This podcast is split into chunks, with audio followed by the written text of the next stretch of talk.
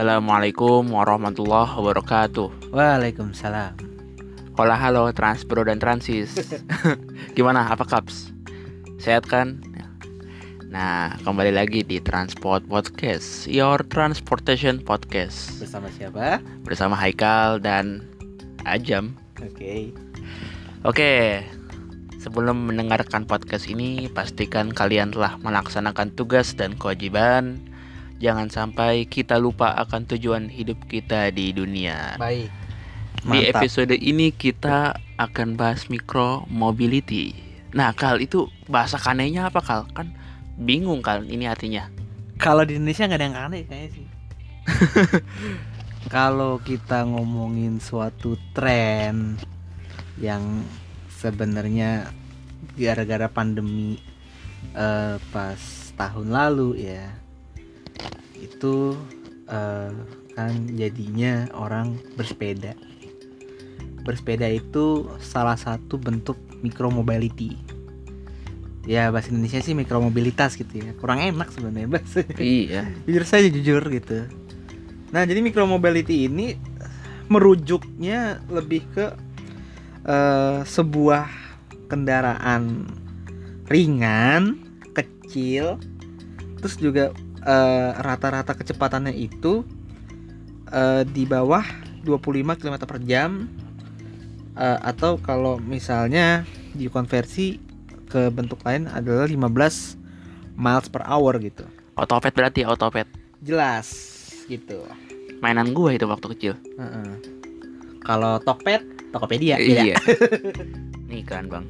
Iya, duh. ya, lanjut lagi.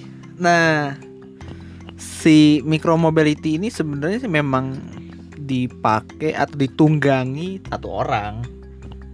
Gitu. Iya. Mm-mm.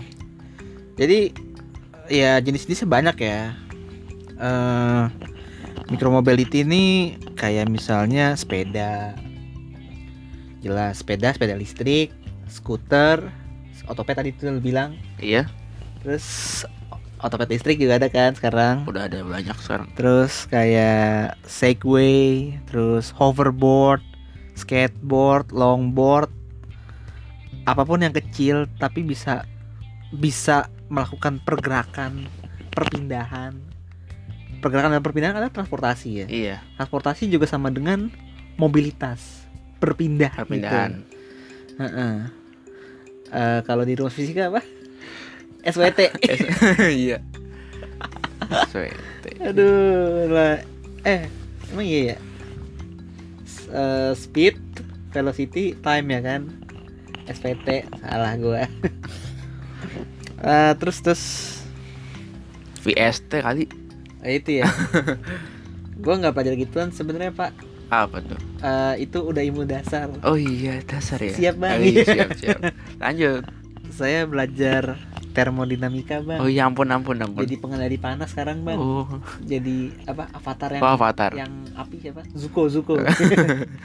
Oke lanjut lagi lanjut lanjut lanjut. Udah bersendau gerangnya. Asyik.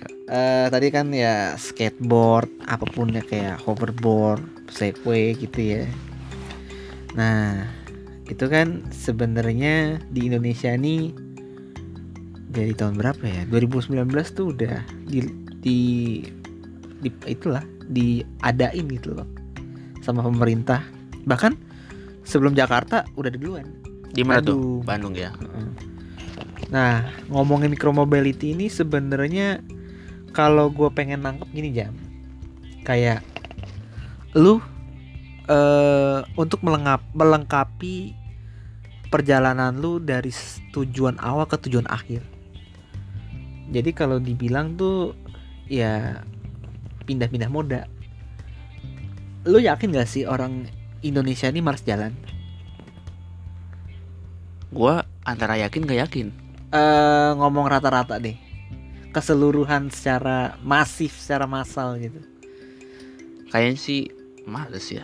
iya ya kalau lihat data juga iya males jujur males baca males jalan eh tapi insya Allah nggak males dengerin podcast kita iya eh males jalan ya? Nah dari pandemi ini juga belajar orang untuk melakukan perpindahan lewat hal yang kecil. Waktu itu kita pernah ngomong ya ngomongin pas episode berapa sih? 10 ya yang sama Ion. Iya, Ion. Iya dia bilang kan kenapa sih eh, kan kita nanya ya kenapa sih eh, pada naik sepeda gitu? Alasan satu ya kita mau ker- masih kerja nih ada WFH tapi selang-seling kan? Iya, selang-seling. lalu akhirnya kan nggak mau naik kendaraan umum kan? Takut ya kan? Naik KRL takut. Gue juga masih takut sih. Lu takut gak naik KRL Gua- Kagak takut sih. tapi mager. Ya mager gua. mager ngantri. Tugas banyak kan. Di- ya terus abis itu ya kan udah apa sih eh mager naik naik transportasi umum takut segala macem akhirnya berpindah nih ke moda yang pribadi ya kalau mobil bisa sebenarnya sih cuman kadang suka bilang tekor bensin Macet juga. Iya, tekor bensin sih lebih tepatnya kalau Oh, iya. misalnya kita hitung-hitung misalnya dua hari jalan nih, udah bensin udah habis gitu. Ya tergantung keiritan masing-masing sih. Cuman, cuman nih, menurut gua eh manusia-manusia ini pada berpindah ke model lebih kecil, yaitu sepeda.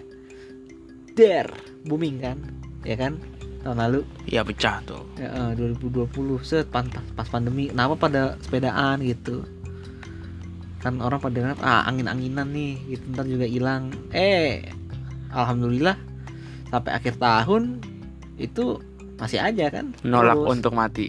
iya nggak nggak lepas nih apalagi kan sama pemerintah juga disiapin infrastruktur itunya penyangganya nah terus ya itulah sebenarnya kita dibilang tersadarkan oleh micromobility tapi masih ada kurang kajiannya nih jam Apa tuh? Kajiannya kalau gue bilang sih eh sosialisasi. Sosialisasinya ya menurut gue sih masih kurang gitu loh. Kayak ya mungkin ayo bersepeda iya. Nyiapin jalur sepeda iya. Cuman lebih mengajak orang kayak kalau gue lebih concernnya ke hal ini bike sharing. Eh penyewaan ya kan kalau bahasa Indonesia penyewaan sepeda. Iya. yang tadi gue bilang tuh yang pertama pelopor bike sharing tuh di Bandung. Bose. Bener gak sih lu? Yang warna biru biru tuh? Iya pernah lihat gua. yang dicantolin gitu di, Hmm. di trotoar ya itu. Di Jakarta pakai vendornya goes yang warna merah kuning gitu itu. Tapi nggak ada cantolannya nggak ada dockingnya. Nah terus abis itu ada juga skuter sempet tuh kan skuter juga di Jakarta cuman cuman nggak efektif kayak 2019 gue pernah ada skuter sama tau ini kan apa grab grab apa Ah dulu. Grab ah, Grab Grab bike ya? Eh bukan Grab bike sih. Apa sih yang skuter? Ah, Apa sih jam? Gue lupa deh. Grab eh Grab Grab wheel. iya. ya, Grab wheel kan yang kita juga boom. Tapi menurut gue tuh salah salah salah guna gitu loh. Niat awalnya dia tuh menyiapkan untuk mobilitas ya kan Hmm. perpindahan. Jadi micromobility ini baik lagi orang naik KRL dari, dari rumah contoh mana ya Rangkas naik KRL set sampai Tanah Abang Tanah Abang pindah ke Sudirman set kantornya tuh di kit- kisaran misalnya mana ya eh Ben Hill gitu nah misalnya dia dari KRL malas naik MRT karena ongkos. Oh iya. Iya kan? Kerasa juga kalau misal satu stasiun 4000 Terus tambah tambah tambah. Lalu abis itu dia nyewa sepeda. Sejam sejam itu kalau nggak salah 3000 ya kayak Grabwheel juga sama skuter ya. Itu 3000 set. Sampai kantor. Ntar habis itu balikin lagi nah sebenarnya lebih murah itu. Kalau mau apa apa misalnya mau nyari makan siang kantor gitu pakai itu. Jadi orang eh, sesuai dengan apa yang dicita-citakan pemerintah sih gimana ya ngomongnya? Ya? Eh, lebih mengutamakan kendaraan yang tidak beremisi tidak memiliki gas buang. Ya Salah ibarat kata kalau kalau lu berpindah dari satu tempat ke satu tempat yang dekat nggak usah naik motor gitu ya kan? Nyapain nyapain bensin ya kan? Sayang-sayang juga. Ya makanya mending naik sepeda gitu kan? Ya, ya kayak lu ke warung gitu. Lu naik motor iya memang cepet cuman ya sayang sayang sayang udara juga polusi sebenarnya. Iya. Buang-buang gas emisi. Ya paling enggak ya kalau nggak jalan naik sepeda gitu. Nah eh balik lagi terhadap fasilitas di Jakarta tuh udah ada cuman masih misleading ataupun salah persepsi salah sosialisasi itu berubah beda. Ya contoh kayak Grab Wheel aja tuh. Ujung-ujungnya dijadiin ajang tren. Wih naik Grab Wheel gitu buat foto-foto. Mereka cuma lihat itu sebuah sisi wisata gitu loh. Bukan wis bukan sisi mobilitas. Mobilitas. Heeh. akhirnya kan lu tahu nggak sih cerita yang ketabrak mati. Iya tuh tahu akhirnya hilang gitu kan. Udah, iya. ah. aduh. nggak booming lagi. Iya. Terus juga sebelumnya sebelum Grab tuh ada tuh yang skuter skuter yang kayak sepeda listrik warna gitu. oranye bukan sih? Kuning kuning oh kuning. Apa, Migo Migo iya. Gua tuh pas SMA pernah main tuh. Set pakai gitu. Cuman itu bisa berdua orang sih. Makanya kayak skuter listrik itu juga skuter kayak motor Vespa gitu ya kan sekarang juga ngetren lagi kan kayak ada model sekarang Mio gitu. Ya Nio tuh. Eh, mahal lagi. 50 juta. Baru nonton kemarin gua. Iya nah terus abis itu salah lagi jadinya dipakai buat jalan-jalan doang. Udah gitu yang pakai anak bocah nggak pakai helm lagi aduh. Ah, udah aduh jadi tuh menurut gue peraturan-peraturan itu jadi gimana ya jadi nggak jelas juga gitu loh. Harusnya diatur ditata dikelola dengan baik. Akhirnya setelah kecelakaan yang meninggal itu iya. Tewas baru mulai dipikir wah gitu. Nggak apa-apa sebenarnya sih nggak ada permasalahan. Lalu yang gue jadi perhatian ini orang-orang harus naik ini lagi harus melakukan ini. Karena kayak apa baik baik sharing terus skuter sharing segala macam. Itu di di luar negeri udah udah jadi hal yang wajib. Wajib udah lah. jadi kayak budaya gitu loh. Udah bukan tradisi lagi budaya. Statusnya udah udah tinggi gitu loh. Eh bentar bentar nih kal kita misalnya kalau naik kereta Mm. terus TJ Heeh. MRT ke suatu tujuan berarti ngecer. Iya. nah berarti kalau naik ini lebih ngecer lagi? Eh, kalau itu kan kan kalau misalnya MRT TJ itu per, rute ya. Heeh. rute ya udah ada eh, trayeknya gitu kan. Nah kalau ini kan bisa ke mana-mana gitu loh. Terus juga oh iya. bisa nambah billing ya kan? Tinggal scan gitu-gitu kan. Nama billing bang? Warnet. Oh iya, iya.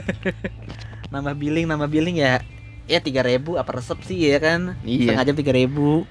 Sejam ya gitulah. Tapi ya naro juga naro bener gitu di tempatnya. Itu juga sosialisasi itu masih kurang gue rasa jadi yang kurang itu sosialisasi ya? Sosialisasi sama regulasinya nih juga nih. Belum regulasi sih udah pas. regulasi sih yang sejak kejadian itu udah mulai ditata lagi tuh.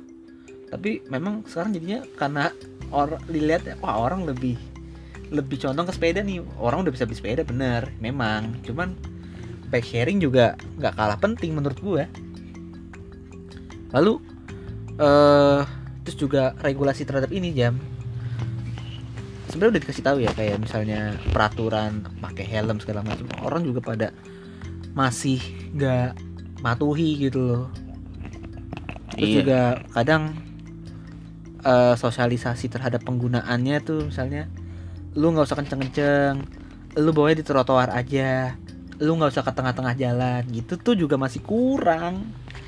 Lah emang ada yang ke tengah jalan? Ya sepeda-sepeda yang di Sudirman tuh setengah jalan ada juga kadang yang di jalan kecil tapi di tengah jalan. Oke lalu kiri gitu loh. Kiri tuh emang lu lebih kecil dibanding motor gitu. Cuma kiri dikit lah. Iya. Kasih spade buat orang yang lebih besar gitu. Bukan artinya ketidakadilan teman itu adil ya. Emang ada apa pembagian. posisi posisinya ya kan? Gitu sih. Nah terus juga sekarang orang kalau dibilang mau kencengin micromobility ya jam ya menurut gue sih semua orang udah bisa beli. Mungkin tinggal harganya aja. Tinggal pemerintah ngegalakan. Oke lah ngomongin bike sharing tempat rak sepeda terus juga scooter sharing like bike like grab wheel sorry. Terus kayak bike sharing goes bose. Terus juga migo ya kan? Hmm. itu harusnya memang eh, tetap ada dan tetap dijaga dan regulasinya jelas gitu loh jadi nggak sembrono orang. Nah cuman nih gue juga mau ngajak ini ya. Coba pakai kayak segway. Di sini kayak segway masih agak agak gimana gitu. Kalau nggak salah ada masalah regulasi terhadap apa gitu gue kurang tahu. Hoverboard juga sempat sempat ada cuma jadi alat mainan doang gitu. Nah itu masalahnya adalah alat alat mainan, mainan. alat wisata itu. Salahnya itu. Nah, nah, ini salahnya tuh mereka nggak tahu atau mereka tetap acuh udah dikasih tahu. ada yang nggak tahu ada yang acuh juga ya itu makanya harus dilurusin gitu jadi nggak harus diperketat juga? ya menurut gua kalau regulasi itu memang harus strict gitu Mm-mm. nah kalau cuma ngomong infrastruktur bikin jalur sepeda jalur sepeda ya oke dia, dia udah udah udah udah apa ya deal lah dengan itu semua orang bisa gampang lah cuman gimana untuk keselamatan segala macem itu kan kalau ngomongin jalur doang ataupun lajur ya menurut gua itu juga masih riskan gimana dari kita diri kita sendiri yang untuk Mm, menjaga diri kita sendiri untuk selamat. Gimana kita nggak ol apa ugal-ugalan juga gitu kan. Jangan mentang-mentang lu goes ya lu bisa kenceng goes gitu. Kecepatan lu bisa nambah cuman gaya apa mosak masih Eh, masa masih. itu masih ada ya ngeri juga ya pengendara yang lain juga terganggu. Memang skuter juga lumayan kenceng gitu loh nggak ada suaranya. Apalagi sekarang kan menuju era mobil listrik menuju Wih, era menuju, kendaraan menuju. listrik siap. Motor juga ya kan. Apalagi sekarang udah regulasi ada plat nomor ya kan. Ya gue lebih concern itu sih gimana hal-hal jasa penyedia sharing-sharing itu gue lebih pengennya sih ini zam eh, gimana kita memanfaatkan itu dengan baik. Gitu. Jangan menyalahgunakan. betul. Terus juga misalnya apalagi ya tadi segway udah hoverboard udah. Terus eh, mungkin skateboard ya skateboard juga kadang-kadang tuh eh, karena lu udah bisa nih freestyle freestyle nih muter-muter. Tapi yang lu pakai tau nggak apa? Kayak misalnya eh, bollard ataupun tempat kursi lu jadiin eh, obstacle obstacle ya rusak lah. Baret. akhirnya ya nyusahin lagi eh, dinas bina marga. Molesin Benerin. lagi. Ya paling mah gitu sih menurut gua tuh harus di lebih diperhatiin lagi soal micromobility. Jadi pertama mengkampanyekan bahwa itu adalah suatu alat perpindahan yang memang harus digunakan secara eh, massal. Oke lah lu bisa beli sepeda bagus. Tapi kita juga nyediain eh sharing sharingan nih. Tapi juga lu pakai dengan benar. Tujuannya benar gitu. Iya.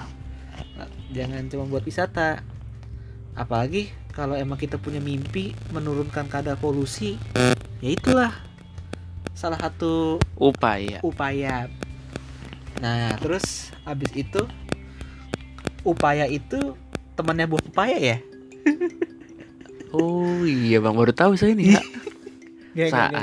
dah. ya terus habis itu sih eh regulasi habis itu evaluasi. Gitu. Kampanye apa itu eh, apa itu micromobility benar atau eh, kayak gimana benarnya salahnya gimana. Terus habis itu diregulasiin nih peraturannya gini gini gini. Dikasih infrastrukturnya. Nih gue sediain jalannya loh. Ini tolong di tolong tolong di tolong eh, menghargai eh, hak-hak lain hak-hak pejalan kaki hak-hak kendaraan bermotor bermotor maksudnya motor sepeda motor mobil ya Iya. hak-hak eh, kendaraan umum. A- ada juga orang nih bis Transjakarta non BRT lagi lagi di halte. Dia nyerobot dari kiri seret gitu. Lah orang mau Iya. turun kagok, ketabrak kereta, eh ketabrak kereta, tabrak sepeda. Kaget kan? Iya. Itu sih menurut gua tuh. Terus habis itu pas udah berjalan evaluasi gitu. Gimana nih? Ada kekurangan apa? Ke depannya mau jadi apa? Heeh, ke depannya mau jadi- mau lanjut gak nih uh, uji cobanya terus kira-kira galakin lagi nggak nih ya kan gitu Iya. paling sih itu yang bisa gue sampaikan sih jam tentang micromobility dan kita dari transport podcast mendukung penuh terciptanya micromobility dan kalau misalnya ki- pemerintah itu udah melakukan uji coba lajur sepeda baru dan apa pun ntar bisa di remake lagi. Alhasil menurut gue ya layout jalan juga bakal berubah. Pastinya. layout jalan Layout ya jalan. kayak misalnya lajurnya diperpen di, didikitin. Dari tiga lajur jadi dua. Satu lajur buat buat sepeda khusus gitu loh. Bisa jadi. Karena lihat kayak wah persentase na- yang naik mobil yang beli mobil iya banyak tapi naiknya enggak gitu. Cuma hari-hari tertentu eh banyak naik sepeda. Ya udah deh. Eh, lajurnya kita turunin. Turunin. lajurnya kita kita dikitin. Eh, ada pepatah. Semakin lu nambah lajur jalan ya sampai sampai empat. Padahal jalan raya bukan jalan tol gitu. Iya. nah itu makin memperbanyak mobil. Patah kata siapa itu? itu banyak yang kata more lanes more problems gitu. Oh, oh iya kan betul betul. ah, lajur ya. More lanes more vehicle more problems alhasil ya jadi kayak car centric lah gitu Iya. nah banyak lah Oke lah Kal, kita akhiri episode ini bener-bener ya banyak manfaat lah. amin semoga bisa dipetik manfaatnya lah daripada mudaratnya iya iya iya. Kita dukung penuh micro mobility ya. Iya, bismillah lah. Semoga itu bisa ke depannya ya bisa lebih baik lagi. Terus berkembang. Amin amin. Ya, terima kasih kepada Transbro dan Francis yang telah mendengarkan podcast ini. Kurang lebih ya mohon maaf dari kami. Wassalamualaikum warahmatullahi wabarakatuh. Salam transportasi.